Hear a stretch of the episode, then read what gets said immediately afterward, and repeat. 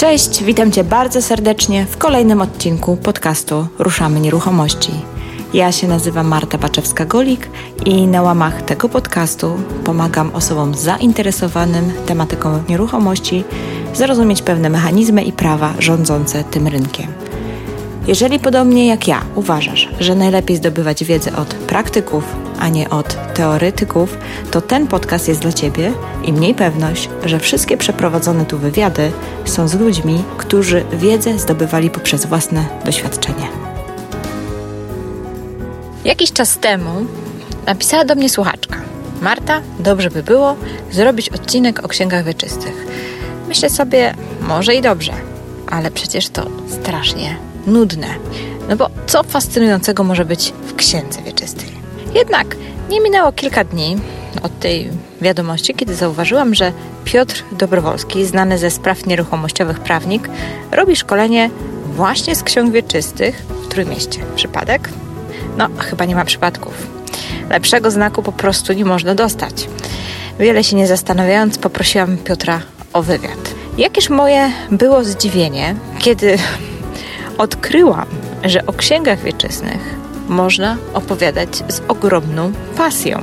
Pamiętam, jak pracowałam w banku w czasach, kiedy to system elektronicznych ksiąg wieczystych był dopiero chyba w fazach pomysłu i projektowania, więc chcąc, nie chcąc, regularnie bywałam w czytelni w sądzie, brudząc okrutnie swoje dłonie od tych zakurzonych ksiąg. Tak, bo dla tych, co nigdy tego nie doświadczyli, to muszę Wam powiedzieć, że księgi wieczyste to są takie prawdziwe księgi, często bardzo, bardzo stare i w związku z tym bardzo, bardzo brudne.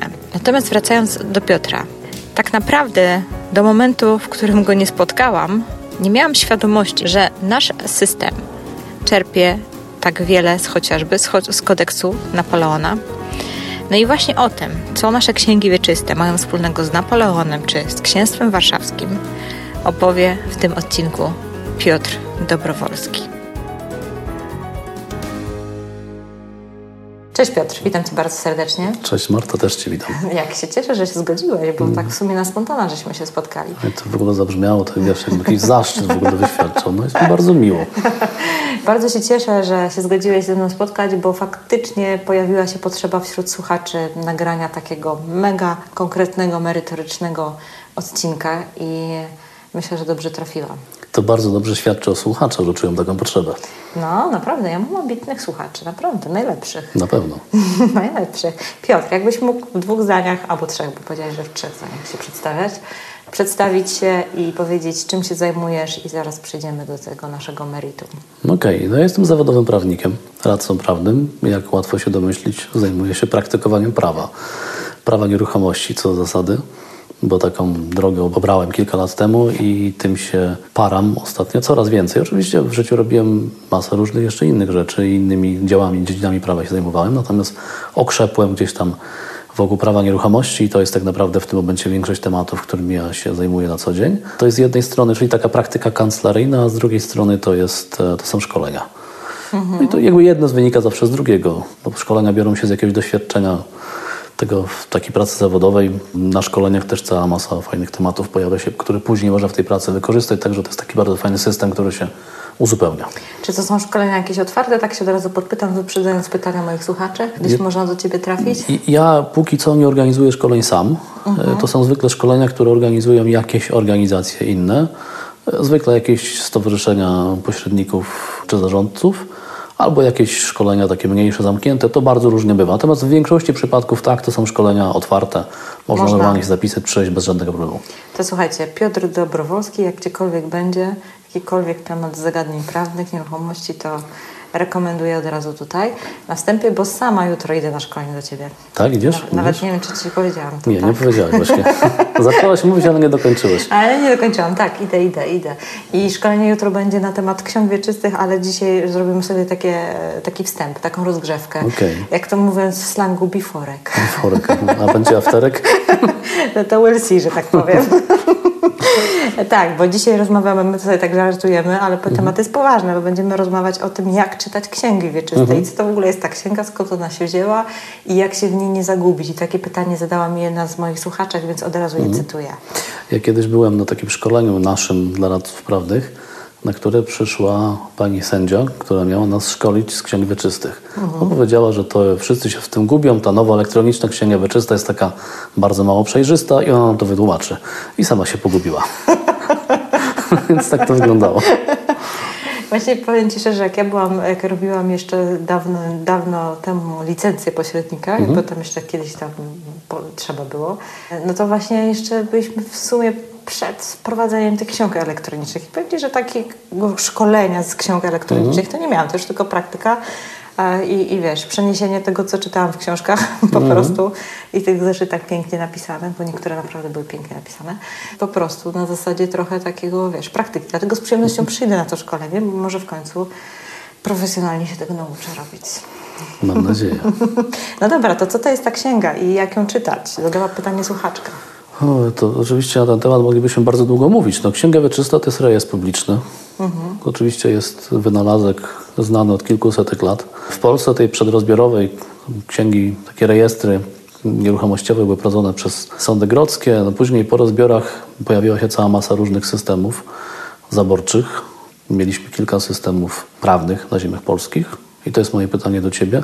Czy wiesz, ile systemów prawnych wiem, mieliśmy w, w 1918 roku. Nie wiem, dajesz. No tak intuicyjnie można wymienić trzy od razu, no, nie? Tak, no, niemiecki, no, austriacki, rosyjski. To, czuję, że jest podchwytliwe pytanie. Były jeszcze dwa. okay. Były jeszcze prawo węgierskie, mhm. z uwagi na tam, tak, część ziem, tam Spisz i Orawa, Aha, e, które zostały przyłączone do Rzeczpospolitej. Tam były e, elementy prawa węgierskiego i prawa francuskie. I tutaj jest zwykle niespodzianka, jakim cudem prawo francuskie. No właśnie. No to mogę Ci powiedzieć, że na podstawie prawa francuskiego, kodeksu Napoleona, w XXI wieku w Polsce zakłada się księgi wieczyste i wpisuje się prawo własności. A jak to się wydarzyło? No oczywiście po trzecim rozbiorze, czyli 1795 roku, Rzeczpospolita przestała istnieć na 123 lata. Mhm. No w międzyczasie mieliśmy różnego rodzaju zrywy, no i pojawiły nam się wojny napoleońskie. W trakcie wojen napoleońskich powstał taki twór, który nazywał się Księstwem Warszawskim. Było coś Był takiego faktycznie? Oficjalnie niepodległy, mhm. faktycznie całkowicie zależny od, od Francuzów. Mhm. I tam Napoleon zaprowadził swoje prawo. To powstanie Księstwa Warszawskiego zbiegło się mniej więcej prawie w czasie z wprowadzeniem w życie tzw. Tak kodeksu Napoleona, czyli pierwszej takiej nowożytnej kodyfikacji prawa cywilnego. No i Napoleon nie przetrwał długo, bo od 1815 roku po kongresie wiedeńskim Księstwo Warszawskie przestało istnieć, powstało Królestwo Polskie. No i wiesz, sprawem jest tak, że prawo nie ulega zwykle aż tak dynamicznym zaburzeniom jak, tak. wiesz, jak historia. To prawo francuskie przez jeszcze chwilę obowiązywało i ta chwila trwała bardzo długo. To będzie kolejna zagadka, którą za chwilę Ci zadam.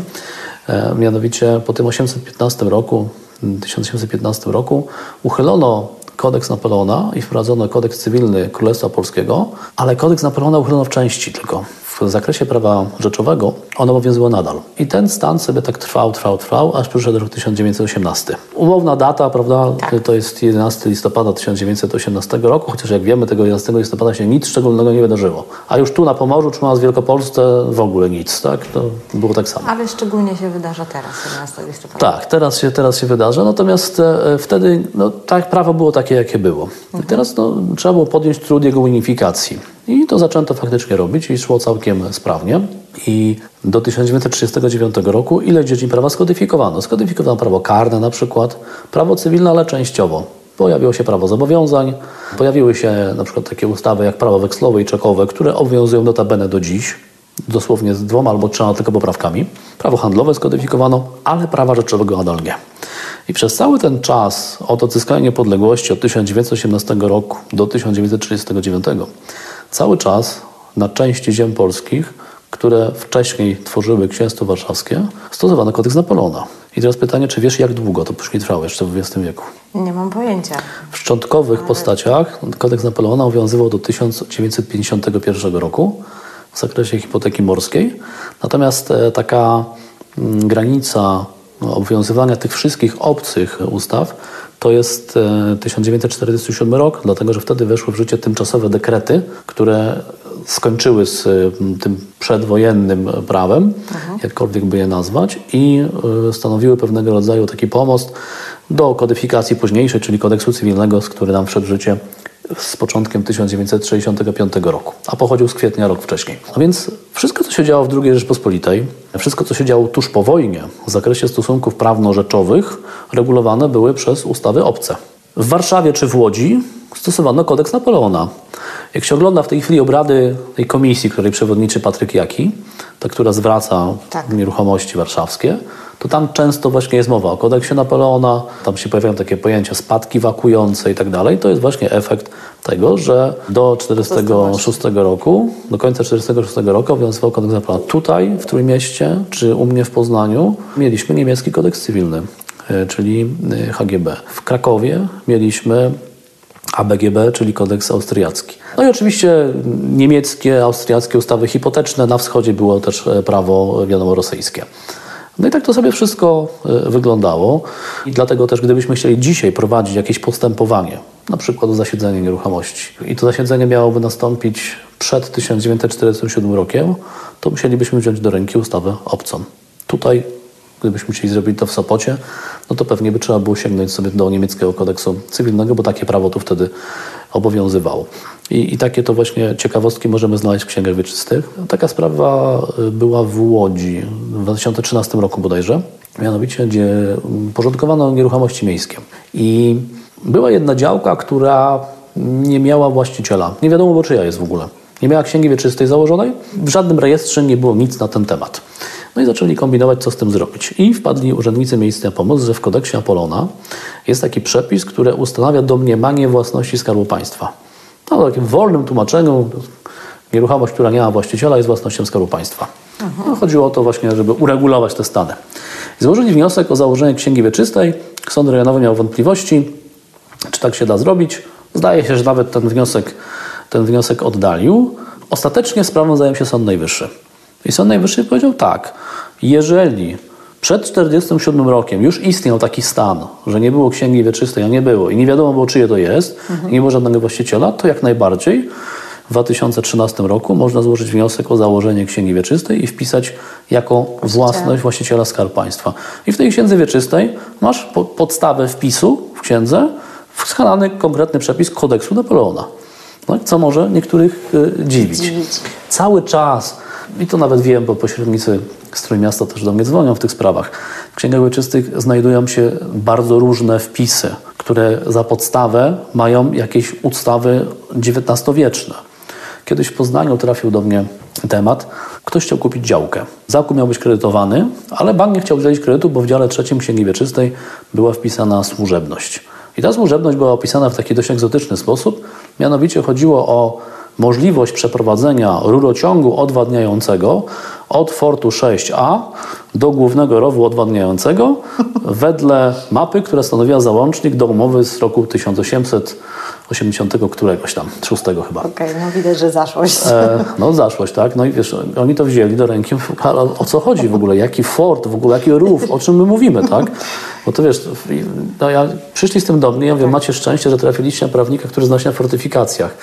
No bo ja od razu wiedziałem, gdzie jest ten fort, a w zasadzie gdzie był. To są dzisiaj ruiny w lesie wysadzone. Wiedziałem, że ta działka jest jakieś 3 km dalej i wytłumaczyłem, jak to wszystko z tym się no ale coś trzeba było z tym zrobić. Tak. Bo bank mówi, dopóki to jest, to trzeba to usunąć, prawda? Powiem Ci szczerze, że ten temat się jakoś nie posunął dalej. Tam chyba ta Aha. sprzedaż gdzieś stanęła w miejscu, więc ja nawet nie wiem, jakie były tego losy do końca. Natomiast no to by trzeba było po prostu zbadać, czy w ogóle ten rurociąg istnieje, czy ta w ogóle służebność jest wykonywana. Moim zdaniem nie. Tak. A służebność, która nie jest wykonywana przez lat 10 wygasa i można domagać się jej wykreślenia chociażby. No? Tak. Ale takie sytuacje czasami bywają. Nie? Czasami są jakieś służebności ustanowione na rzecz kogoś, jakiejś instytucji, to musisz ustalić odpowiednik tej instytucji dzisiaj, na przykład dla niektórych hipotek dzisiaj odpowiednikiem jest Bank Gospodarstwa Krajowego i do niego po prostu trzeba się zgłosić po to, żeby ci wydał zgodę na wykreślenie. Tu w Sopocie mieliśmy taką sytuację właśnie, że była też jakaś dziwna służebność ustanowiona na rzecz e, Urzędu Miasta. No i po najprostszej linii oporu było najprościej pójść do Urzędu Miasta, dostać zgodę na wykreślenie i, no i dzięki temu transakcja mogła ruszyć z miejsca, bo inaczej by stała. Także takie widzisz e, ciekawostki. Zdarzają się. Kiedyś gdzieś też miałam taki, taki wpis we własności we wzmiance, że no byli podatni właściciele, ale tam w tych, w tych komentarzach do migracji było napisane coś takiego na zasadzie, nie chcę teraz skłamać, ale że współwłaścicielem był również małoletni syn. No. Taki wpis, nie wiadomo skąd i nie wiadomo do czego to przypiąć. Nie? No, tak, czasami tak bywa, że, że przepisuje się z, z tej dawnej księgi wieczystej. No a ostatnio mieliśmy sytuację, kiedy nie przepisano, bo ostatnio e, pojawiło się takie orzeczenie Sądu Najwyższego. To jest temat sprzed chyba dwóch tygodni. Mianowicie ktoś, jakaś kobieta kupiła nieruchomość, mieszkanie. Jak się później okazało, właścicielka, która wcześniej to mieszkanie zbywała, miała je na kredyt. I w księdze wieczystej, tej dawnej jeszcze, znaczy dawnej, papierowej, księgi mhm, dawne to tak. są te księgi gruntowe, tak zwane, te pisane po niemiecku jeszcze, czy, mhm. czy po rosyjsku. W każdym razie w księdze wieczystej była papierowej, była wpisana hipoteka. I podczas migracji urzędnik sądowy po prostu popełnił błąd i tej hipoteki nie przepisał.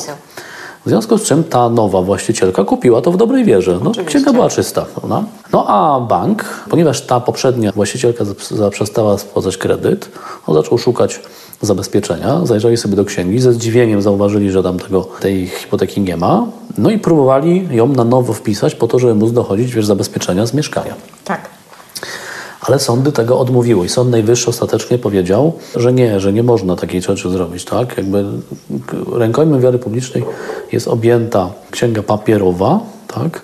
Była wcześniej, natomiast w tym momencie jest objęta księga elektroniczna. elektroniczna tak? Więc jakby nieważne jest to, co jest w dokumentach, skoro pani nabywając nieruchomość nie miała jej w żaden sposób obciążonej, nie było żadnej wzmianki, mhm. no to w takiej sytuacji nie ma wątpliwości co do tego, że nabyła Dobra, to tutaj, ponieważ mhm. wspomniałeś o rękojmi, to może jeszcze tak mhm. wytłumaczmy, co to dokładnie jest i na czym polega ta zasada, żeby okay. każdy, kto słuchał, wiedział, o czym mhm. ty teraz mówisz. W prawie cywilnym mamy taką zasadę, która się wyraża łacińską paremią nemo in alium plus juris transfere potes quam ipse habet. Tłumacząc to na polski oznacza to mniej więcej, że nikt nie może przenieść na inną osobę więcej praw niż sam posiada. Czyli jeżeli nie jesteś właścicielką nieruchomości, to nie możesz mniej sprzedać, prawda? Mhm. Możesz co najwyżej przenieść posiadanie. I właśnie w przypadku rękojmi wiary publicznej księg wieczystych ta zasada ulega pewnej modyfikacji. Jest wyjątek, mianowicie nawet jeśli nie jesteś właścicielką nieruchomości, ale nadal jesteś wpisana w księdze wieczystej, w dziale drugim jako właściciel, i w tej księdze nie ma żadnej wzmianki, która by świadczyła o tym, że to jest nieprawda, to jeżeli ja tą nieruchomość od ciebie kupię, to nikt nie może później mi zarzucić, że nie nabyłem prawa własności. Dlaczego? Dlatego, że miałem prawo twierdzić i uważać, że ten, kto jest wpisany w księdze wieczystej jako właściciel, jest właścicielem. Tak, na tym mniej więcej polega zasada rękojmi wiary publicznej księg wieczystych. I to też potwierdza, dlaczego ten dokument sam w sobie jest tak istotny. Mhm i ważny w, w obrocie nieruchomościami, bo tak. to jest takie, mhm. no to jest podstawowy dokument, który świadczy o tym, kto jest po pierwsze właścicielem tak. i co się z daną nieruchomością działo. Mhm. I mamy jeszcze kolejną zasadę jawności, która polega na... No, na tym, że księgi są co zasady jawne i każdy może do nich zajrzeć, tylko teraz uwaga, księgi, a nie akta księgi. Tak, no bo wiesz, kiedyś księga była papierowa, czyli tak. szło się do sądu, jak się zamawiało księgę wieczystą, to przynosili taką ogromną książkę. Tak Oczywiście tak w zależności od tego, czy to była już ta nowa nasza księga wieczysta, to one były mniejsze, to takie zeszyty w takich kartonowych okładkach. Tak. Natomiast jeżeli zamawialiśmy tak zwaną księgę dawną, czyli była prowadzona jeszcze ta stara księga, czyli to Grundbuch. Starych nie miałam dostępu. One są fantastyczne, ja uwielbiam. Tak. Ja jej będę pokazywać jutro na szkoleniu. Jak zaczynałam pracę w mhm. banku mhm. przy kredytach, to myśmy musieli, no nie było tych elektronicznych jeszcze mhm. ksiąg, e, to musieliśmy chodzić do czytelni i tak. sprawdzać, nie? Okay. I weryfikować wszystkie, no, i teraz... tak jakby spisywać taki protokół. No to właśnie spisywaliśmy z tych książek. No i teraz ten system wyglądał w ten sposób, że jak były te polskie księgi wieczyste, to one już wyglądały troszeczkę inaczej. Oczywiście były prowadzone po polsku tak. i były prowadzone w ten sposób, że to była po prostu no, taki, taki zeszyt gruby, prawda? Tak. I tak dalej. A księgi te dawne tak zwane, i to pod, pod, tym pojęciem księgi dawne mieszczą się te wszystkie księgi wieczyste albo odpowiedniki, które były prowadzone na terenie ziem polskich przez różnych zaborców. Jeżeli mówimy o naszej sytuacji tutaj wielkopolsko-pomorskiej, to były tak zwane księgi gruntowe, to z niemiecka Grundbuch się nazywało. I dzisiaj mamy tak, że księga wieczysta jest prowadzona dla każdej nieruchomości osobno. A Grundbuch to była jedna taka wielka księga to jest duże. No, w podcaście nie jesteśmy w stanie pokazać rozmiarów, ale to jest ogromna, taka gruba książka, która waży ileś e, kilogramów. Ona ma tak rozmiar spokojnie, myślę, za trzy. I ona opisywała ileś różnych nieruchomości. To jest na przykład dzielnicami, mówiąc tam. E, dzielnica taka, tom to taki, karta taka. To nasze księgi matki teraz, tak? To Coś takiego. Coś no i teraz, i teraz w tej księdze wieczystej miałaś, wiesz, takim charakterem odręcznym pisma wpisane one całą masę. Różnych pisma. rzeczy, Ja nie wiem, dokładnie tak. się tam starały, ale chyba specjalnie zatrudniali takie osoby, co miały ten charakter Tak, pisma. do tak było. Wiesz co, ja pamiętam jeszcze jak e, wyrabiałem Piórem sobie... zawsze pisane. Tak, jak wyrabiałem sobie dowód czerwono- osobisty... tym. Mhm, tak, atramenty, wykreślenia i tak dalej. tak. Jak, jak wyrabiałem sobie dowód osobisty, pamiętam, to byłem w urzędzie miasta, no to ten dowód, dowód osobisty, te zielone książeczki, przecież Tak. kiedyś były wypisywane ręcznie, Ręcznie. prawda? I kiedyś, pamiętam, trafiłem do jakiegoś wydziału Urzędu Miasta, bodajże kartografii, gdzie pani ręcznie pisywała mapy. Siedziała sobie po prostu takim piórkiem i sobie po prostu no jechała, jakbyś, jakbyś drukowała w najlepszej drukarni, pani sobie tak z ręki po prostu, wiesz, na luziku jechała, jakby sobie, wiesz, pisała listę No bo te dowody zakupów też były tak pięknie tak, wypisywane. Tak, dokładnie tak. No i w księgach też tak było. W księgach też tak było. No i ten Grundbuch właśnie to jest taka duża, ciężka po prostu księga, w której masz zapisane e, całą masę różnych informacji dotyczących nieruchomości. Teraz w pewnym momencie następuje odcięcie, że przestajesz tam czytać po niemiecku i zaczynasz czytać po polsku. No i to jest po 1918 roku zwykle. Następnie do któregoś roku ona sobie funkcjonuje i zostaje zamknięta i w jej miejsce pojawia się polska księga. I to jest bardzo różnie, bo one mogą być zamknięte w 1950 roku, a mogą być zamknięte w 1990 którymś na przykład, tak? I dopiero zabrano polskie księgi. No i wreszcie mamy w którymś momencie elektronizację, czyli pojawia nam się Właśnie, księga w elektroniczna. którym roku to zaczęli prowadzić? Bo tak sobie próbuję przypomnieć, kiedy to E. Proces migracji zakończył się, żebym nie skłamał, w 2000... Po, po, Całkiem niedawno. Tak Niedawno. Z- 2003 rok bodajże to jest taka graniczna data, kiedy zaczęto to robić, zaczęto. a no. skończono w 2000, nie chcę skłamać teraz, 11? Może nawet później, nie pamiętam. Później chyba nawet. Musiałem dokładnie sprawdzić. Jak ja byłem na aplikacji, miałem praktyki w wydziale, wydziale wyczystu księgowym, to jeszcze były normalne, znaczy już postępowała pamiętam- migracja. Ja pamiętam, że u nas tutaj w Sopocie najdłużej Mhm. te księgi były papierowe. No to jeszcze... No, no to jeszcze tak, w 2010, 2011 myślę, że tutaj jeszcze były papierowe. Tak, wtedy jeszcze migracja trwała. Ja na aplikacji będąc jeszcze normalnie wchodziłem Pamiętam już tak dokładnie, ale papierowe. pamiętam, że długo to trwało, że Gdańsk już był, pamiętam, zelektronizowane, a Sopot jeszcze nie. No i teraz właśnie sytuację z tego typu, jeżeli pójdziesz do sądu i powiesz, chciałabym przejrzeć księgę wieczystą, to pani ci pokaże komputer, ja mówię, proszę usiąść i sobie przejrzeć, tak? Tak. Czyli niepotrzebnie się fatygowałaś, mogę zrobić to z domu. domu. To, co masz w przeglądarce, to jest księga wieczysta. Tylko jest jedna uwaga, z przeglądarki możesz sobie wydrukować tą księgę, ale to nie jest dokument urzędowy. To jest tylko i wyłącznie poglądowa informacja. Natomiast jeżeli chcesz mieć odpis z księgi wieczystej, jako dokument urzędowy, to musisz go sobie zamówić przez stronę i nie musisz nawet iść do sądu. Możesz sobie na stronie Ministerstwa Sprawiedliwości zamówić, zapłacisz online i za chwileczkę dostaniesz wiesz, maila y, z linkiem do pobrania i możesz sobie pobrać po prostu księgę wieczystą. Ona wtedy będzie z takim odpowiednim tak, podpisem elektronicznym i w tym momencie to jest dokument urzędowy. Tak? Tym to się różni. Natomiast jeżeli chcesz zobaczyć dokumenty, które stanowią podstawę wpisu, to musisz iść do sądu, przejrzeć sobie akta księgi wieczystej. Ale tam nie może ich dostać każdy. Ustawa o księgach wieczystych i hipotece mówi, że może dostać ten dostęp notariusz i osoba, która ma interes prawny. No i teraz oczywiście interes prawny ma właściciel, Interes prawny raczej ma pośrednik, chociaż to bardzo różnie z tym bywa, ale w nauce prawa się mówi, że pośrednik, który obsługuje daną transakcję, no, zdecydowanie ma interes prawny we wglądzie do Księgi Wieczystej. Tu od razu trzeba wyprostować jedną informację, mianowicie po ostatniej nowelizacji ustawy o gospodarce nieruchomościami powrócił ten cały katalog czynności, czy też rejestrów, do których pośrednik może mieć wgląd. I to jest artykuł w tym momencie 181a. I tam na pierwszym miejscu jest, że wgląd do ksiąg wieczystych. No i masa ludzi się ucieszyła, że o proszę bardzo, będziemy sobie mogli teraz nieskrępowanie jak tak księg wieczystych przeglądać. No nic bardziej mylnego, no to jest po prostu jakaś tam indolencja ustawodawcy.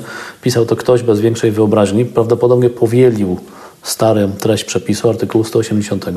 Dostęp do ksiąg wieczystych to jest tylko dostęp do ksiąg wieczystych, a tutaj łaski nikt nie robi, bo i tak to ma każdy. Tak. Tak? Y, Musiałoby tam być napisane wprost dostęp do akt księgi wieczystej. Natomiast wiem, że praktyka wydziałów wieczysto-księgowych jest różna i na przykład w Poznaniu przez jakiś czas, jak się poszło do sądu wieczysto-księgowego i pokazało umowę pośrednictwa, to dawali dostęp do księgi. Tak? No i te akta księgi to może być właśnie taki współczesny, cienki zeszycik, albo mogą Ci przynieść taką ogromną, grubą, ciężką, ważącą kilogramów, kilka książkę, w której będziesz miała historię tej nieruchomości aż gdzieś tam po XIX wiek, po wiesz, e, dokumenty pisane po niemiecku, takie ładnie zdobione, prawda, z odciśniętymi pieczęciami i tak dalej, i tak dalej.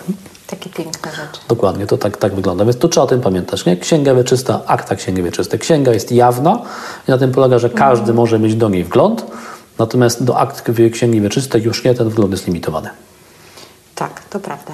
Okej, dobra, czyli omówiliśmy główne zasady, mówiliśmy o rękojmiu, Mhm. mówiliśmy o jawności, to teraz może przejdźmy do tego faktycznie, jak czytać tą księgę, co, na co tam w ogóle trzeba zwracać uwagę. Mhm. No, księga ma kilka działów. Jasne. To może tak pokrótce. Pierwszy, Jest ten- drugi, trzeci, czwarty. Te, te pierwsze działy, one y, opisują co zasady nieruchomość, tak? Czyli co to jest? E, W tej chwili mamy nowość, ponie- ponieważ e, pojawiły się linki z ksiąg elektronicznych do geoportalu. Czyli, czyli działka jest nie tylko opisana numerem, prawda, sposobem przeznaczenia w planie, jeżeli tak jest, tam Ale są... co, w księdze jest link? Tak, w księdze jest link. W księdze... nie natknęłam. Tak, dokładnie tak. W księdze jest Chyba link. jeszcze nie wszędzie, co? Nie we wszystkich, nie we wszystkich, ale w niektórych już jest, czyli po prostu w e, tych pierwszych dwóch działach, czyli SP i O, masz, e, pojawia Ci się e, numer działki w geoportalu. Jeżeli klikniesz, to Cię przenosi automatycznie do geoportalu i pokazuje Ci tą działkę na mapie. Super. Tylko to tak, e, powiem tak, ja z doświadczenia już ileś razy z tego korzystałem i to tak czasem działa, a czasem nie. To znaczy czasem jest tak, że To znaczy, faktycznie... że to za niedługo będzie działać. E, tak, to fa faktycznie jest tak, że e, albo może ja miałem pecha, w każdym razie było tak, że e, ileś tam razy po prostu, wiesz, przełączyłem je do geoportalu, ale widziałem mapę Polski i tyle i musiałem sobie tą działkę z ręki wpisać, a za którymś razem faktycznie przy jakiejś tam innej działce mi bezpośrednio tą pokazało dokładnie, którą, którą chciałem, tak. nie? No i tam znajdziemy generalnie opis nieruchomości. Co to jest za nieruchomość, jaka, prawda, czy to jest ona gruntowa zabudowana, niezabudowana, czy to jest jakiś tam użytek rolny, prawda, jaka jest jej powierzchnia, i tak dalej, i tak dalej. Tam będą ujawnione ewentualne wzmianki co do jakichś obciążeń potencjalnych i tym podobnych rzeczy. Tak? To są te pierwsze dwa, dwa działy, które tam nieruchomość co zasady opisują. Jeżeli będziemy mieli księgę zabudowaną, której zostały wyodrębnione samodzielne lokale, to to też będzie troszeczkę inaczej wyglądało, dlatego że będziemy mieli, e, czyli nie będziemy mieli informacji tam o właścicielach poszczególnych lokali, tylko będziemy mieli informację, że są wyodrębnione lokale i podane księgi Numery wieczyste księg tych dokładnie lokali. tych lokali, czyli taką weryfikację musielibyśmy prowadzić e, dwustopniowo. Prawda? Dział drugi mówi nam o tym, kto jest właścicielem nieruchomości. Tak? No mamy tabelkę, prawda, która podaje nam podstawowe dane tychże właścicieli, imiona, nazwiska, e, numery PESEL. E, Wiemy, e, na jakich zasadach są, jeżeli jest współwłasność, to mamy pokazane, czy to jest współwłasność w częściach ułamkowych, czy jest to współwłasność majątkowa małżeńska. No i poniżej tego, bo tych oczywiście właściciel może być jeden, może być kilku, ale jak zjedziemy sobie na sam dół, to tam mamy podstawy wpisu. No i tymi podstawami wpisu mogą być najróżniejsze zdarzenia. Zdarzenia cywilnoprawne, tak to by trzeba było powiedzieć.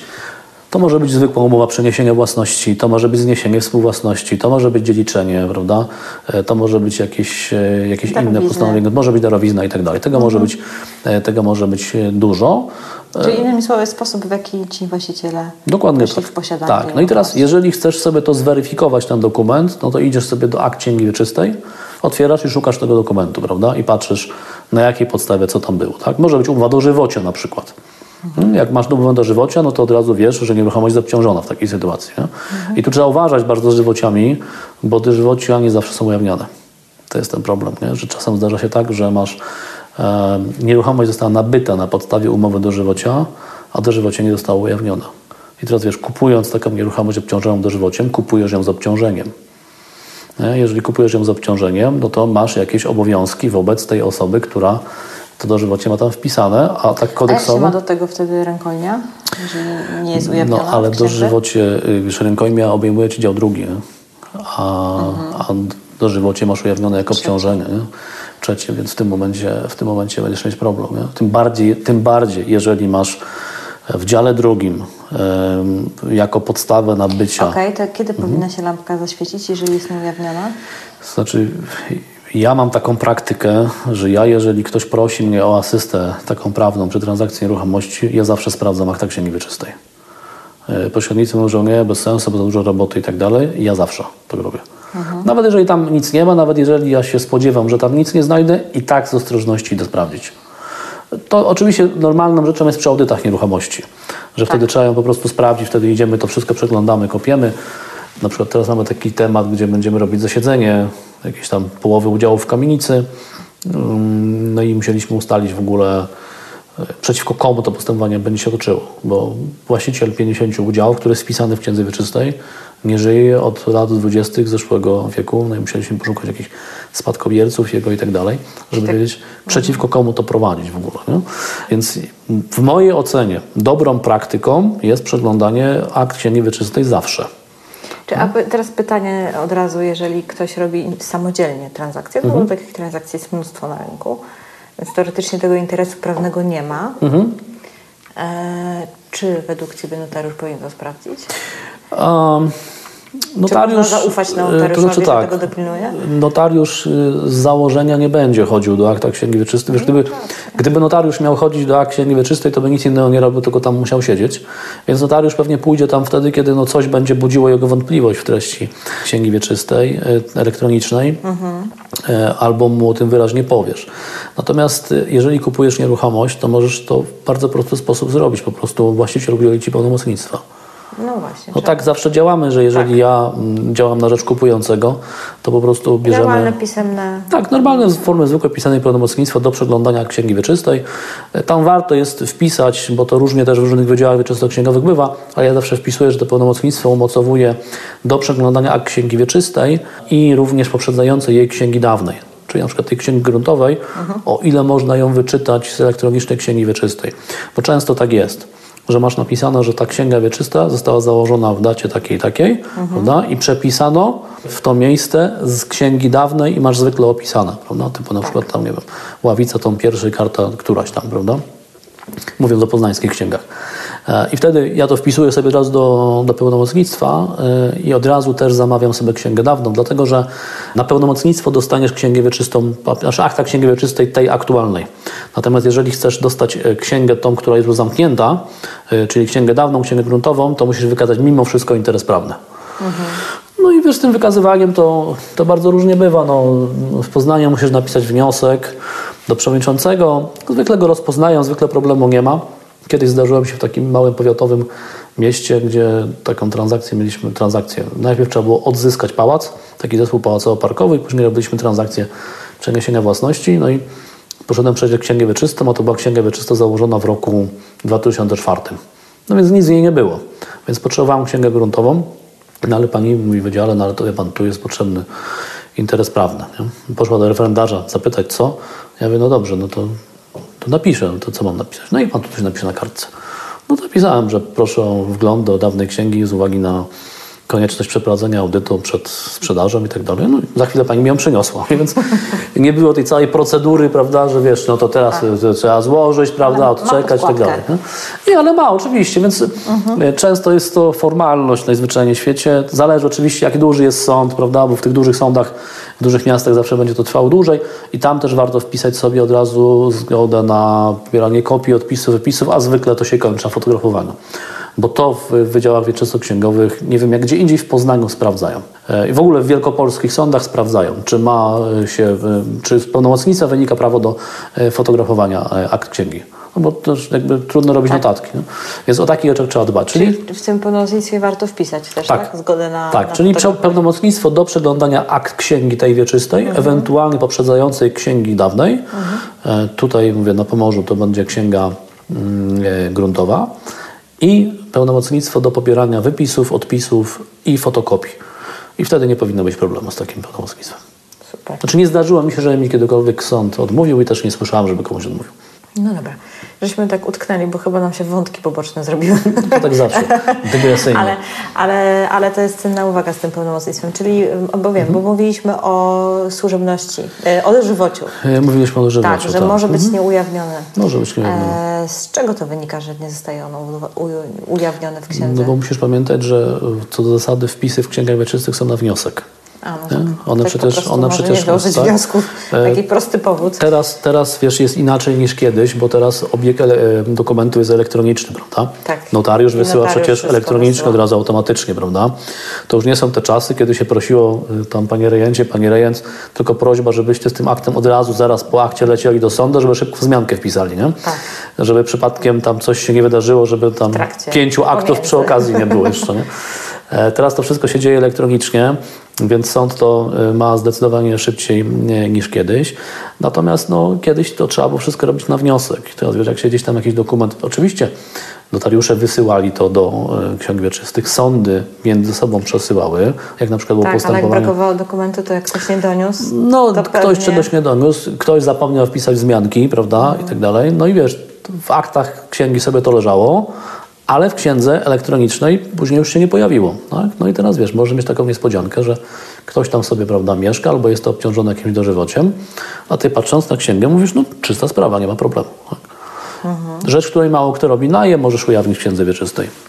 Tak, to rzadko jest spotykane. Bardzo rzadko jest spotykane, a to jest bardzo potrzebne w niektórych sytuacjach. No bo wpis najmu do księgi wieczystej zabezpiecza ci trwałość stosunku najmu. Bo trzeba pamiętać, że to mówimy oczywiście o lokalach użytkowych. To nie dotyczy lokali mieszkalnych, bo tam przepis nie pozwala na to, a raczej pozwala w bardzo wyjątkowej sytuacji. Chodzi o sytuację, kiedy sprzedajesz lokal z najemcą. A, I jeżeli nowy nabywca nie chce kontynuować tego stosunku najmu dalej, to w takiej sytuacji może wypowiedzieć umowę najmu, pomimo tego, że ona jest zawarta na czas oznaczony. Nie będzie mógł tego zrobić w dwóch sytuacjach. Jeżeli wpiszesz sobie ten najem do księgi wieczystej, albo jeżeli ta umowa będzie zawarta na czas oznaczony z datą pewną i przedmiot, czyli lokal będzie już wydany. No, więc to ujawnienie najmu w księdze wieczystej będzie ci Ja zabezpieczało. powiedzieć, że nie stosuję też ujawnienia w księdze, ale datę pewną jak najbardziej. Ale jak najbardziej data pewna to jest w ogóle taka rzecz, o której mało kto wie e, i w ogóle wiele osób nie wie, co może być datą pewną. Bo data pewna to jest nie tylko taka data, że pójdziesz do notariusza, że w tej dacie zawarłaś umowę. Datą pewną równie dobrze być, może być wzmianka uczyniona przez jakiś organ na dokumencie i będzie ci wynikała z tego data pewna. Datą pewną może być też fakt, że dana umowa została powołana w jakimś innym dokumencie. Ja miałem taki spór ostatnio. Moi klienci kupili nieruchomość pod inwestycję deweloperską i były tam zawarte umowy najmu. To był budynek, który miał docelowo do wyburzenia i tam były zawarte umowy najmu. Oczywiście analizując ten cały stan faktyczny i prawny, no, zastanawialiśmy się, czy przypadkiem tam gdzieś daty pewnej nie było robionej. E, Właściciel twierdził, że absolutnie nie było. No, nie mieliśmy prawa podejrzewać, że była, ale na to zwracałem uwagę, że my słuchajcie, jak jest... Czy, czy poczta też stempel pocztowy na wysłanym piśmie? Yy, w, to ale to musiałabyś, mieć, to musiałabyś mieć na wysłanym piśmie. Okej. Na wysłanym piśmie. To nie na kopercie, tylko na wysłanym piśmie. Tak? No i teraz e, tej daty pewnej my stwierdziliśmy, że nie było, w związku z czym po transakcji nabycia złożyliśmy oświadczenie o wypowiedzeniu umów najmu lokali tam, które były. A najemca odpisał nam, że niestety przykro mu, ale on ma umowę zawartą na czas oznaczony z datą pewną do 2002 roku bodajże i w związku z tym on odmawia opuszczenia, ponieważ on ma cały czas tytuł prawny. No myśmy twierdzili, że tej daty pewnej nie ma i mówiliśmy, no to pokaż, skoro masz. No nie mówi, nie, mam, ale ci nie pokażę. No i taka, wiesz, prze, przepychanka, która gdzieś tam groziła ostatecznie, że będziemy to weryfikować y, przez sąd, bo my, my wytaczaliśmy powództwo eksmisyjne, oni z kolei wytaczali powództwo o ustalenie istnienia stosunku najmu. E, tak to wyglądało. To ostatecznie to się jakoś tam udało polubownie załatwić, no ale problem e, teoretyczny był. Nie? Więc to jest między innymi rzecz, którą musisz badać w takiej sytuacji. Kupujesz nieruchomość inwestycyjnie, jak się nagle okaże, że wiesz, ten najemca, który tam jest, ma datę pewną, no to co? No słuchaj, jak już jesteśmy przy tej dacie, Mhm. to tak może wyjaśnimy, czemu ona służy i dlaczego to tutaj o niej tyle mówimy. No data pewna to jest jedna z form zawierania umów. Tak? Po, po, polega ona na tym, że notariusz albo jakiś inny organ stwierdza, i teraz co może stwierdzić, że umowa została zawarta w określonej dacie, albo że w określonej dacie istniała. Innymi słowy, możesz sobie pójść do notariusza z umową, zawrzeć ją u niego i notariusz wtedy poświadczy, że ta umowa została zawarta w dacie pewnej tej u niego akurat. Albo możesz iść sobie z umową już podpisaną pół roku notariusza. temu i notariusz ci poświadczy, że ona w tej dacie istniała. Tak? I tak samo się wydarzy w momencie, kiedy pójdziesz do jakiegoś urzędu i ten ur- urząd ci przybije tam jakąś wiesz, pieczątkę, poświadczy, to też będzie data pewna. Tu orzecznictwo dotyczące daty pewnej jest bardzo szerokie. I Sąd Najwyższy dopuszcza nawet taką sytuację, że datą pewną masz wtedy również, kiedy organ wspomni na temat tej umowy w jakimś dokumencie urzędowym. Tak, wydając na przykład jakieś pozwolenie na budowę na przykład, powoła ci się na umowę istniejącą jako podstawę na przykład dysponowania nieruchomości na cele budowlane. Tak? To też może być data pewna w takiej sytuacji. Więc dlatego trzeba zawsze na te rzeczy uważać. jeżeli chcemy zabezpieczyć sobie trwałość stosunku najmu, to zrobić datę pewną. A tak się zastanawiam, czy, czy, czy idąc już tak głębiej, mieliśmy się o księdze mówić, hmm? ale tak się dopytam Ciebie, bo teraz tak mówisz o organach, a czy takie instytucje typu media, no bo zawierasz umowę na podstawie umowy najmu mhm. jako najemca, nie? Ale to nie jest urząd, to nie to jest, nie urząd. Tak. Czyli to nie. nie. To, nie, to, to nie mogło być. Data pewna masz urzędowe poświadczenie. Musi być urzędowo, tak. mhm. To musi być organ. Nie? No, mhm. wiesz, no, dostawca mediów to nie jest organ. No, jasne, jasne. Mhm. E, jasne. Dobra, to wracamy do tej, do tej, tej. Czyli wiemy już, że dożywocie e, może być nieujawnione z tego tytułu, mhm. że ktoś po prostu nie dopełnił mhm. formalności. No tak samo jak Teraz mam mieszkanie, gdzie mamy ciągle hipotekę, kredyt spłacony 10 lat temu. No nie? oczywiście, cała masa takich sytuacji jest. Nie? Jakieś, to... Właśnie te takie egzotyczne hipoteki, jakieś wiesz, tam 2 złote z lat tak. 50., prawda? Tam grosze. Tak, tak, tam. tak, dokładnie. Kiedyś ileś tam kubików czegoś, zboża czy czegoś miałam też w księdze. Tak, tak, tak, dokładnie, są takie tak, rzeczy. Takie... No i z hipotekami może być ten problem, że możesz nie mieć e, podmiotu, który wyrazi Ci zgodę na wykreślenie tej hipoteki. No bo jeżeli właśnie, masz... Bo jeżeli to są jakieś stare, stare takie bardzo rzeczy. Tak, jeżeli to jest stara rzecz, jeżeli odnajdziesz wiesz, podmiot, który dzisiaj jest właściwy, który w jakimś sensie w cudzysłowie odziedziczył kompetencje czy uprawnienia tamtego starego, no to okej, okay, to jesteś w stanie poprosić ich o, e, o wykreślenie. Wiesz, jakbyś miała tutaj e, jakąś tam, wiesz, e, hipotekę na rzecz, nie wiem, miasta Sopotu na przykład, no, w XIX wieku wpisaną, czy na początku XX, to pójdziesz, dzisiaj miasto Sopot pewnie Ci wyrazi zgodę na wykreślenie. Ale jeżeli masz sytuację taką, że nie ma tego podmiotu, albo nie możesz go znaleźć, to masz problem. Miałem kiedyś taką sytuację, gdzie mieliśmy hipotekę na rzecz jakiejś spółdzielni, która już nie istniała. Została wykreślona. Oczywiście klientowi się bardzo spieszyło, no i tak powiedziałbym na pałę złożyliśmy wniosek o wykreślenie hipoteki z uwagi na fakt, że podmiot uprawniony nie istnieje. Nie?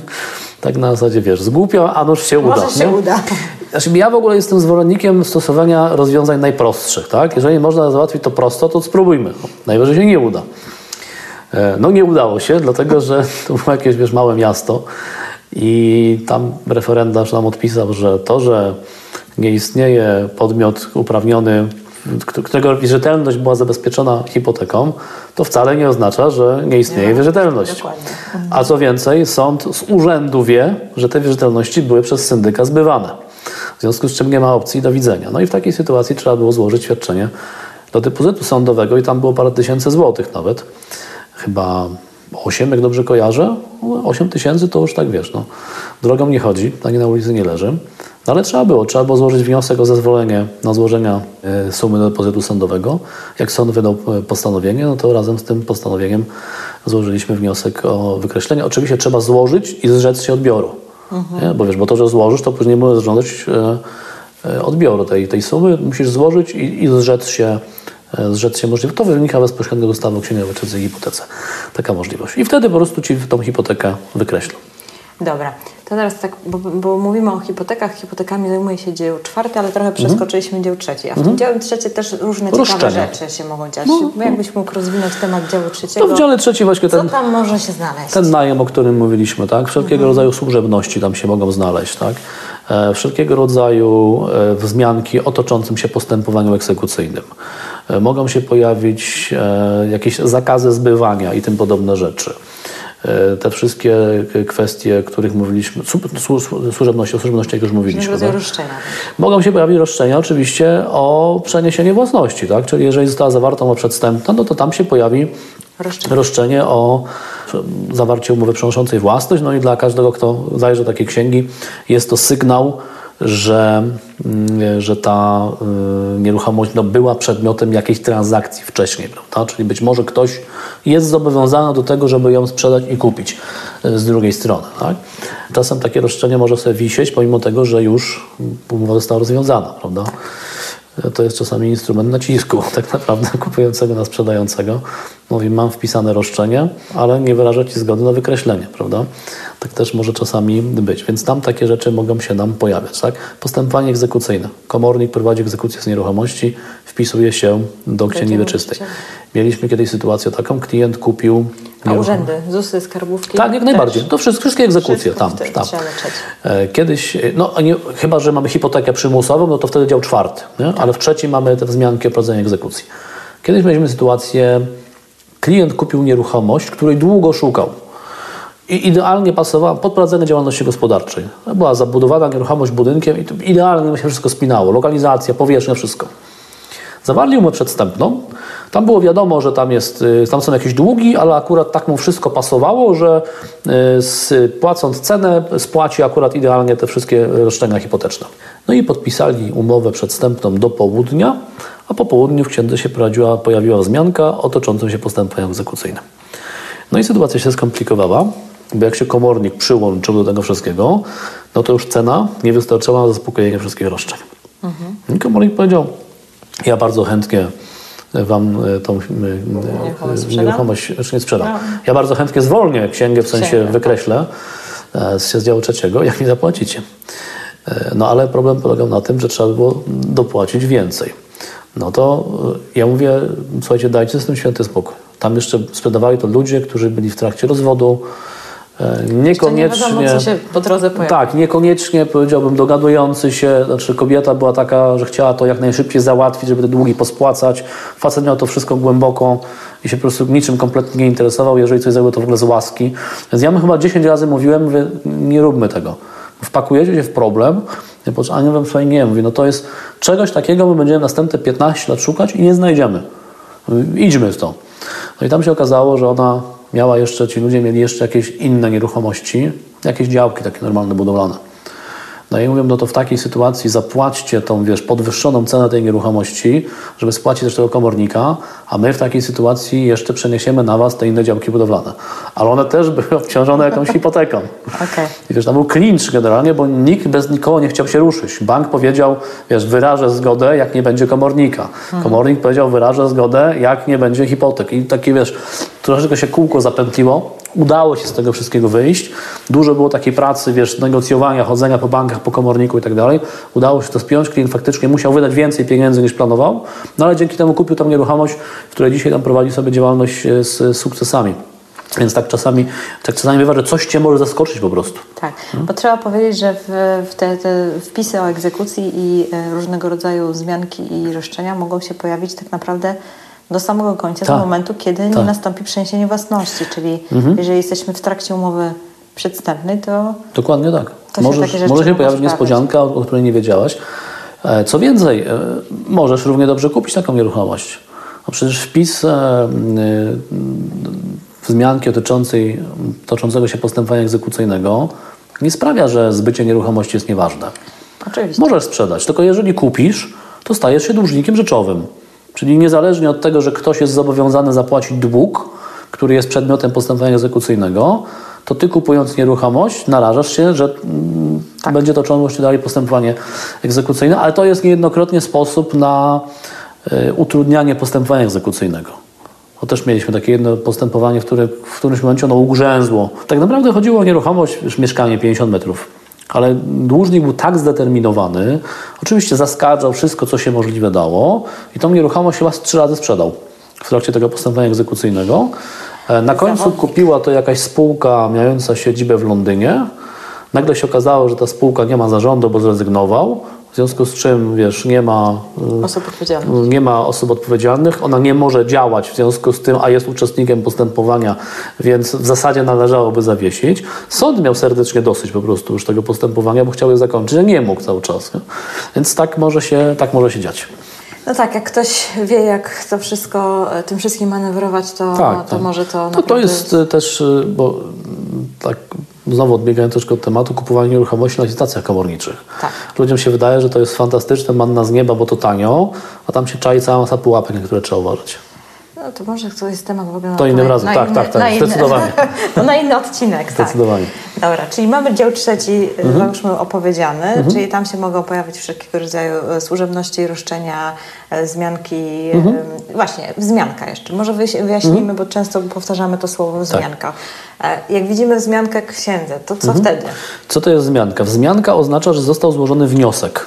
Tak? Dotyczący czegoś. I to może być wzmianka właśnie, że mm, złożono wniosek o wpis hipoteki, tak? albo że złożono wniosek o wykreślenie tej hipoteki, prawda? albo że o wpis prawa własności, może się pojawić w księdze taki, będzie napisane, że uwaga, jest niezgodność treści księgi wieczystej z jej rzeczywistym stanem, rzeczywistym stanem, prawda? Czyli to oznacza, że to, co jest w księdze wieczystej, już nie jest prawdziwe. Tak? Dlatego, że została sprzedana nieruchomość na przykład i w związku z tym nowy właściciel złożył wniosek o wpis prawa własności w miejsce poprzedniego, ale jeszcze stary widnieje. Ale jest wzmianka. To oznacza, że należy wzmóc czujność, no i jeżeli mielibyśmy kupić nieruchomość z wzmianką, to trzeba sprawdzić, czy to jest wzmianka, która jest aktualna. Bo może być tak, że wzmianka jest, tak? Czego dotyczy przede wszystkim, ale może być tak, że wzmianka jest, ale po prostu nie została wykreślona. Ona jest stara, nie mająca żadnego znaczenia. Tak też może się wydarzyć. Tak, i czasami, e, no faktycznie, jeszcze pamiętam z tej mojej praktyki hipotecznej, czasami potrafiło być po kilkadziesiąt zmianek. Tak, oczywiście. Także oczywiście, że tak. faktycznie jak się, kupuje, jak się kupuje mieszkanie od dewelopera, to ten stan początkowy zwykle wygląda w ten sposób, że ta księga wieczysta, ten dział trzeci, to się strasznie długi, bo to przewijasz, przewijasz, przewijasz, bo tam jest cała masa wzmianek, bo były zawarte umowy deweloperskie, no, albo później już umowy przedstępne, jeżeli nie wszystko zostało sprzedane na etapie dziury w ziemi. No i później w to miejsce, później wiesz, te wzmianki są wykreślane, bo się pojawiają właściciele samodzielnych lokali, więc ta księga wieczysta e, na po samym początku, jeżeli kupujesz inwestycję deweloperską, no to ktoś, kto nie ma doświadczenia, jakby tam spojrzał, to by się przestraszył. Jezus Maria. No ale to jest normalne, tak? To wygląda po prostu na tym etapie. Jasne, dobra, to przejdźmy do hipotek. Mhm. To jest takie najbardziej powszechnie używane słowo, mhm. hipoteka. Myślę, że bardzo często też jest właśnie mylone mhm. z różnymi wpisami, które są e, w, e, w dziale trzecim. Mhm bo tak się po prostu ogólnie mówi. Tak. Nawet jak się mm. mówi o komorniku, albo komornik siedzi na hipotece i tak dalej. Mm. No do końca tak nie jest, więc tak. wyjaśnijmy, czym jest tak, tak na naprawdę hipotece, ta... bo kiedyś się mówiło o księgach hipotecznych w ogóle. Nie no o księgach wieczystych, tylko o księgach hipotecznych tak naprawdę. A co to jest hipoteka? To jest ograniczone prawo rzeczowe, tak? które polega mm. najkrócej na tym, że jeżeli masz ujawnioną hipotekę w dziale czwartym księgi wieczystej, to możesz się zaspokoić z tej nieruchomości tak? i masz pierwszeństwo przed innymi, e, przed innymi dłużnikami. Tak? Czyli e, to prawo wędruje wraz z nieruchomością. jeżeli ja od Ciebie pożyczę pieniądze i zabezpieczymy sobie to hipoteką na jakieś mojej nieruchomości, no to niezależnie od tego, czy ja Ci oddam, czy nie oddam te pieniądze, możesz mieć całą masę jeszcze innych instrumentów zabezpieczających, ale mając hipotekę wpisaną w mojej księdze wieczystej, wiesz, że na pewno prędzej czy później wyegzekwujesz to jakoś ode mnie, no bo w najgorszym razie po prostu przeprowadzisz sobie egzekucję e, z nieruchomości, a będąc wierzycielem hipotecznym możesz w ogóle ją przejąć na własność jeszcze w toku tego postępowania egzekucyjnego. Tak? I teraz jeżeli ja sprzedam tą nieruchomość, no to okej, okay, proszę bardzo, sprzedam, ale dalej z tą księgą wieczystą, prawda, obciążoną hipoteką i ty będziesz mogła egzekwować to od tego nowego nabywcy, tak? A jak będziesz chciał kupić na kredyt, to bank powie, przykro mi, najpierw musisz spłacić hipotekę, dopiero ja ci później udzielę ewentualnego kolejnego kredytu. Tak? Więc tak najogólniej rzecz, naj, najprościej tłumacząc, na tym polega hipoteka. Okej, okay. co trzeba zrobić, żeby, się, żeby tam się wpisać? No o, oczywiście tych Jasne. hipotek znowu może być kilka rodzajów, tak. prawda? Bo, bo możemy mieć hipotekę... No jest jeszcze kolejność wpisu. Tak, dokładnie. Tak są... mniej więcej ogólnie, jakbyś mógł powiedzieć, jak to działa. Możesz mieć hipotekę, y, możesz mieć zwykłą, możesz hipotekę kaucyjną, hipotekę przymusową, tak? Przymusowa jest wtedy, kiedy, no, jak sama wskazuje, musisz, znaczy nie chcesz jej tam mieć, tylko po prostu, nie, znaczy nikt Sama się tam pojawia. Sama się tam pojawia, dlatego, że masz jakiś problem, tak? Y, teraz na przykład w jednym z postępowań to toczących się e, w których jestem pełnomocnikiem, chcę, pojawiło się postępowanie zabezpieczające. Mhm. Czyli jeszcze nie mamy prawomocnego wyroku, ale jedna ze stron twierdzi, że no, klient, przeciwnik jego, ten, który przegrał, może uszczuplić swój majątek. I w związku z tym wpisuje hipotekę przymusową, E, do działu czwartego na określoną kwotę, która jest, e, stanowi zabezpieczenie należności głównej i odsetek, których, e, których dochodzi. Tak? To jest ta hipoteka przymusowa. Prawda? Natomiast zwykła i kaucyjna to są te hipoteki, z którymi mamy do czynienia najczęściej, czyli zwykle przy zabezpieczaniu należności bankowych. Prawda? Ona jest do jakiejś tam kwoty określonej prawda? wskazana. No i tak, no, żeby ona tam się pojawiła, musi być wniosek. Tak, w, umowie z bankiem pojawia się informacja o tym, że masz obowiązek w określonym terminie złożyć wniosek o wpis hipoteki do księgi wieczystej. No bo jeżeli tego nie zrobisz, to masz zwykle jakieś tam rygory. Podrożeje ci kredyt albo ci wypowiedzą umowę i tak dalej, i tak dalej. Dokładnie. No i chyba tym sposobem dobrnęliśmy do końca księgi wieczystej. Tak. Najprostsze pytanie na egzaminie, żeby kogoś załatwić. Co, jakie wpisy znajdują się w dziale piątym księgi wieczystej? I, I, z tym pytaniem pozostawimy naszych słuchaczy. Zobaczymy, czy uważnie słuchali. Tak. Żartem. Piotr, jak można Ciebie znaleźć, gdyby chciał ktoś, e, że tak powiem, mm. potrzebował Twojej pomocy? Jak można mnie znaleźć? Można mnie znaleźć e, najprościej chyba przez Facebooka i tak wszyscy mnie szukają. Mam tam jakiś swój profil. Strona internetowa. Wiesz, jesteś jednym z nielicznych prawników, którzy mają Facebook i jeszcze aktywnie na niego tam odpowiadają. To prawda? Nie, jest sporo takich. Tak? Sporo jest takich? Nie ma aż tak dużo. Nie, już bardziej, wiesz, to ten Facebook to u mnie wynikał z tego, że ja zacząłem modernizować moją stronę internetową. No i tak zacząłem ją modernizować, że do dzisiaj jej nie ma. Jest jakaś taka, wiesz, zaślepka, gdzie jest kontakt. Jak się wpisze www.dobrowolski.pro, to się znajdzie moje dane kontaktowe, ale strony jako takiej nie ma. Ja po prostu przeniosłem tą całą aktywność na Facebooka. E, I to się z tego, z tego wzięło. A też, no umówmy się, Facebook dzisiaj jest dla wielu osób pewną codziennością.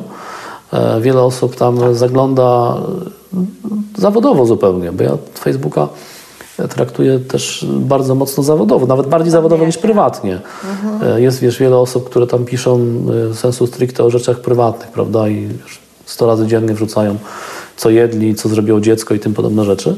E, ja akurat tak nie robię, chociaż mam jakieś tam swoje cykle różnego rodzaju, które wrzucam. Natomiast no, piszę tych różnych grupach okay. dotyczących nieruchomościowych. To teraz takie pytanie jeszcze inne. Jakby się pojawiły jakieś ciekawe komentarze, tudzież pytania do naszego mhm. odcinka, czy ewentualnie jak Cię tam zahaczę i oznaczę na Facebooku, jest szansa, tak, że tak, oczywiście. odpowiesz? Mhm. Super. Często też e, do mnie przyspływają pytania mailem albo e, są komentowane pod, na blogu, tam mhm. gdzie publikuję odcinki. Mhm. To jak poinformuję, to jest szansa, że się Tak, jasne, oczywiście. Super, to mamy tutaj, więc jeżeli pojawiają się Wam jakieś pytania, bo my dzisiaj o tej księdze myślę, że tak opowiedzieliśmy dosyć... E, no w dużym stopniu ogólności. O, w dużym stopniu ogólności, mhm. ale być może pojawią Wam się jakieś pytania, to śmiało pytajcie. Nie ma problemu, będziemy odpowiadać. W podcaście jest pewne rzeczy trudno zobrazować. No jutro na tak. szkoleniu będziemy to pokazywać, jak to dokładnie wygląda, więc to zupełnie inaczej działa kiedy widzisz coś, a nie tylko słyszysz. No to tak naprawdę trzeba by, słuchając podcastu, tak naprawdę najlepiej było sobie odpalić księgę wyczystą elektroniczną tak. i sobie po kolei patrzeć. To wtedy widać od razu, jak to wygląda. Ja to w ogóle jeszcze polecam e, wejść sobie na, e, na jak często się mnie pytają, żeby tak zobaczyć naprawdę różne fajne, ciekawe rzeczy w księgach, to polecam wejść na licytacje komornicze. Mhm. Tam wziąć sobie z ogłoszeń jakiekolwiek księgi, obojętnie jakie. Tak. Mhm. I tam naprawdę i w dziale trzecim i czwartym różne rzeczy się dzieją, można sobie faktycznie poczytać, mhm. potestować i tak. to jest bardzo dobre ćwiczenie do tego, żeby zobaczyć, mhm. co ciekawego może się znaleźć księgach wieczystych i czasami naprawdę się, są tam bardzo ciekawe rzeczy. No tak, także, także to jest taka moja rada. Nie chcecie, bo takie normalne, czyste księgi, no to co, no nuda. Nudne są, no tam nic nie ma. Wchodzisz no. pusto, wchodzisz pusto, nie? Jak jest czysta księga. A do tych takich właśnie z tych licytacji komorniczych to. No i fajniejsze to właśnie takie, kiedy się. trzeba iść do księgi dawnej, przejrzeć, pogrzebać, tam ręce sobie trochę ubrudzić. No, dlatego taki podtytuł tego wczorajszego, tego, tego jutrzejszego szkolenia to jest pożółkłe kartki kurzem przeproszone. No bo jak idziesz oglądać księgę wieczystą tą dawno, no to przynoszą mi takie to zakurzone to misko. Ja mam nawet gdzieś takie zdjęcie, wiesz, palców moich, całe czarne takie po prostu, wiesz, od, tego kurzu. No ja powiem Ci, że już dawno bardzo nie byłam w takiej czytelni, czytelni właśnie tych ksiąg, ale pamiętam, bo jak zaczynałam właśnie moją przygodę z nieruchomościami, to zaczynałam właśnie od pracy w multibanku i tam pracowałam jako doradca do kredytów hipotecznych. Mhm. To były te jeszcze czasy, kiedy nie było ksiąg elektronicznych. To był dopiero początek, więc mhm. tam naprawdę migracja to już właściwie jeszcze i nie było. Więc myśmy zawsze każdy wniosek kredytowy musiałam tak. poprzedzić wizytą w czytelni. Mhm.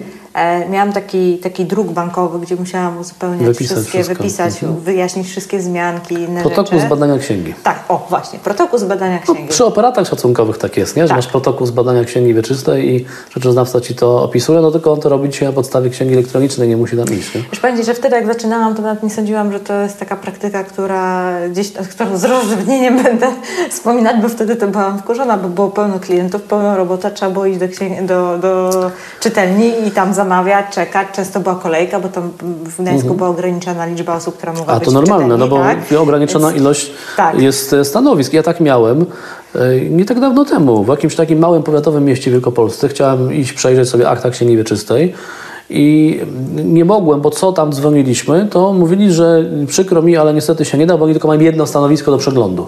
I to, trzeba się było mówić tam, wiesz, na trzy tygodnie do przodu. Tak. Bo tam siedzieli właśnie rzeczoznawcy, to i tamto i tak dalej. Tak, ale wszyscy chodzili wtedy, no. tak, no bo nie było innej opcji, tak. więc no, stało się w kolejkach i czasami naprawdę cały dzień schodził na to, żeby po prostu zbadać księgi. Możesz nie? sobie taką, wiesz, sentymentalną wycieczkę urządzić teraz. no powiem Ci, że sobie rządzę właśnie. Jutro pójdę na szkolenie, a w przyszłym tygodniu będę okupować czytelnię. No, no oglądasz się jutro takich właśnie pożółkłych kartek. No, no. Będę pokazywać, jak to wygląda. Super, dobra. Wielkie dzięki, Piotr. Dziękuję Ci bardzo. Jeżeli, e, tak powiem, jeżeli masz ochotę jeszcze kiedyś ze mną pogadać, to chętnie o tych komornikach. Myślę, że to by tak, być ciekawe. Bywam ciekawe. Tak co miesiąc mniej więcej w mieście, więc... No to będzie ku temu okazja. Będzie ku temu okazja. Dawajcie znać, czy Wam się dzisiejszy odcinek podobał. Jeżeli macie ochotę na więcej takich historii merytorycznych, ale ciekawych z życia wziętych, to... Czekamy. To, to jeszcze pewnie Piotr zawita w podcaście. Dzięki. Cześć. Pewnie jestem nieobiektywna, ale uważam, że to był jeden z najlepszych odcinków podcastu Ruszamy Nieruchomości. Powodów ku temu jest pewnie kilka. Natomiast po pierwsze, taki jeden z ważniejszych wniosków, jaki mi się nasuwa, ten konkretny odcinek wnosi bardzo konkretną wiedzę, którą tak naprawdę od zaraz możesz przetestować w praktyce. Ale co istotniejsze, dla mnie, z punktu widzenia twórcy, Istotniejsze jest to, że ten temat jest opowiedziany naprawdę w fascynujący sposób. Nie wiem, czy się ze mną zgodzisz i nie wiem też, jakie masz odczucia, ale ja naprawdę Piotra słuchałam niemalże z otwartą buzią. Dlatego na koniec tego podcastu mam do Ciebie tylko jedną prośbę. Jeżeli masz podobne odczucie, podobnie myślisz jak ja i doceniasz wartość tego przekazu, doceniasz Piotra za to, że zgodził się zupełnie bezinteresownie podzielić swoją wiedzą, a uwierz mi, wcale nie musiał tego robić. I na domiar wszystkiego doceniasz również to, co ja robię, dostarczając Ci regularnie wiedzy na temat nieruchomości, to proszę udostępnij ten odcinek. Wszędzie, gdzie się da. To nieprawda, że wiralami mogą stać się tylko obrazki z kotkami, pieskami, głupimi memami i głupimi żartami. Pomóż mi zrobić z tej bardzo konkretnej wiedzy takiego niszowego wirala. Podaj ten odcinek dalej z hashtagiem Ruszamy Nieruchomości, bez polskich znaków. Ruszamy Nieruchomości. Niech dzięki temu wszyscy, co zamierzają kupić nieruchomość, nauczą się sprawdzać księgi wieczyste i być może uchroni to ich od zakupu nieruchomości z wadami prawnymi. Powiem krótko, do dzieła. Udostępniaj, komentuj i dziel się z innymi czymś, co faktycznie może sprawić różnicę w ich życiu. Wielkie dzięki. Do usłyszenia niebawem. PS. Dodam jeszcze, że dzielenie się wiedzą jest niezwykle satysfakcjonujące. Robię to już od bardzo, bardzo dawna i powiem Ci tak, wiesz, zupełnie w sekrecie, że nic nie daje takiej satysfakcji, jak wiadomość od słuchacza czy od mojego kursanta, że dzięki temu uniknął kłopotów. Moja misja się wypełnia. Teraz czas na Ciebie.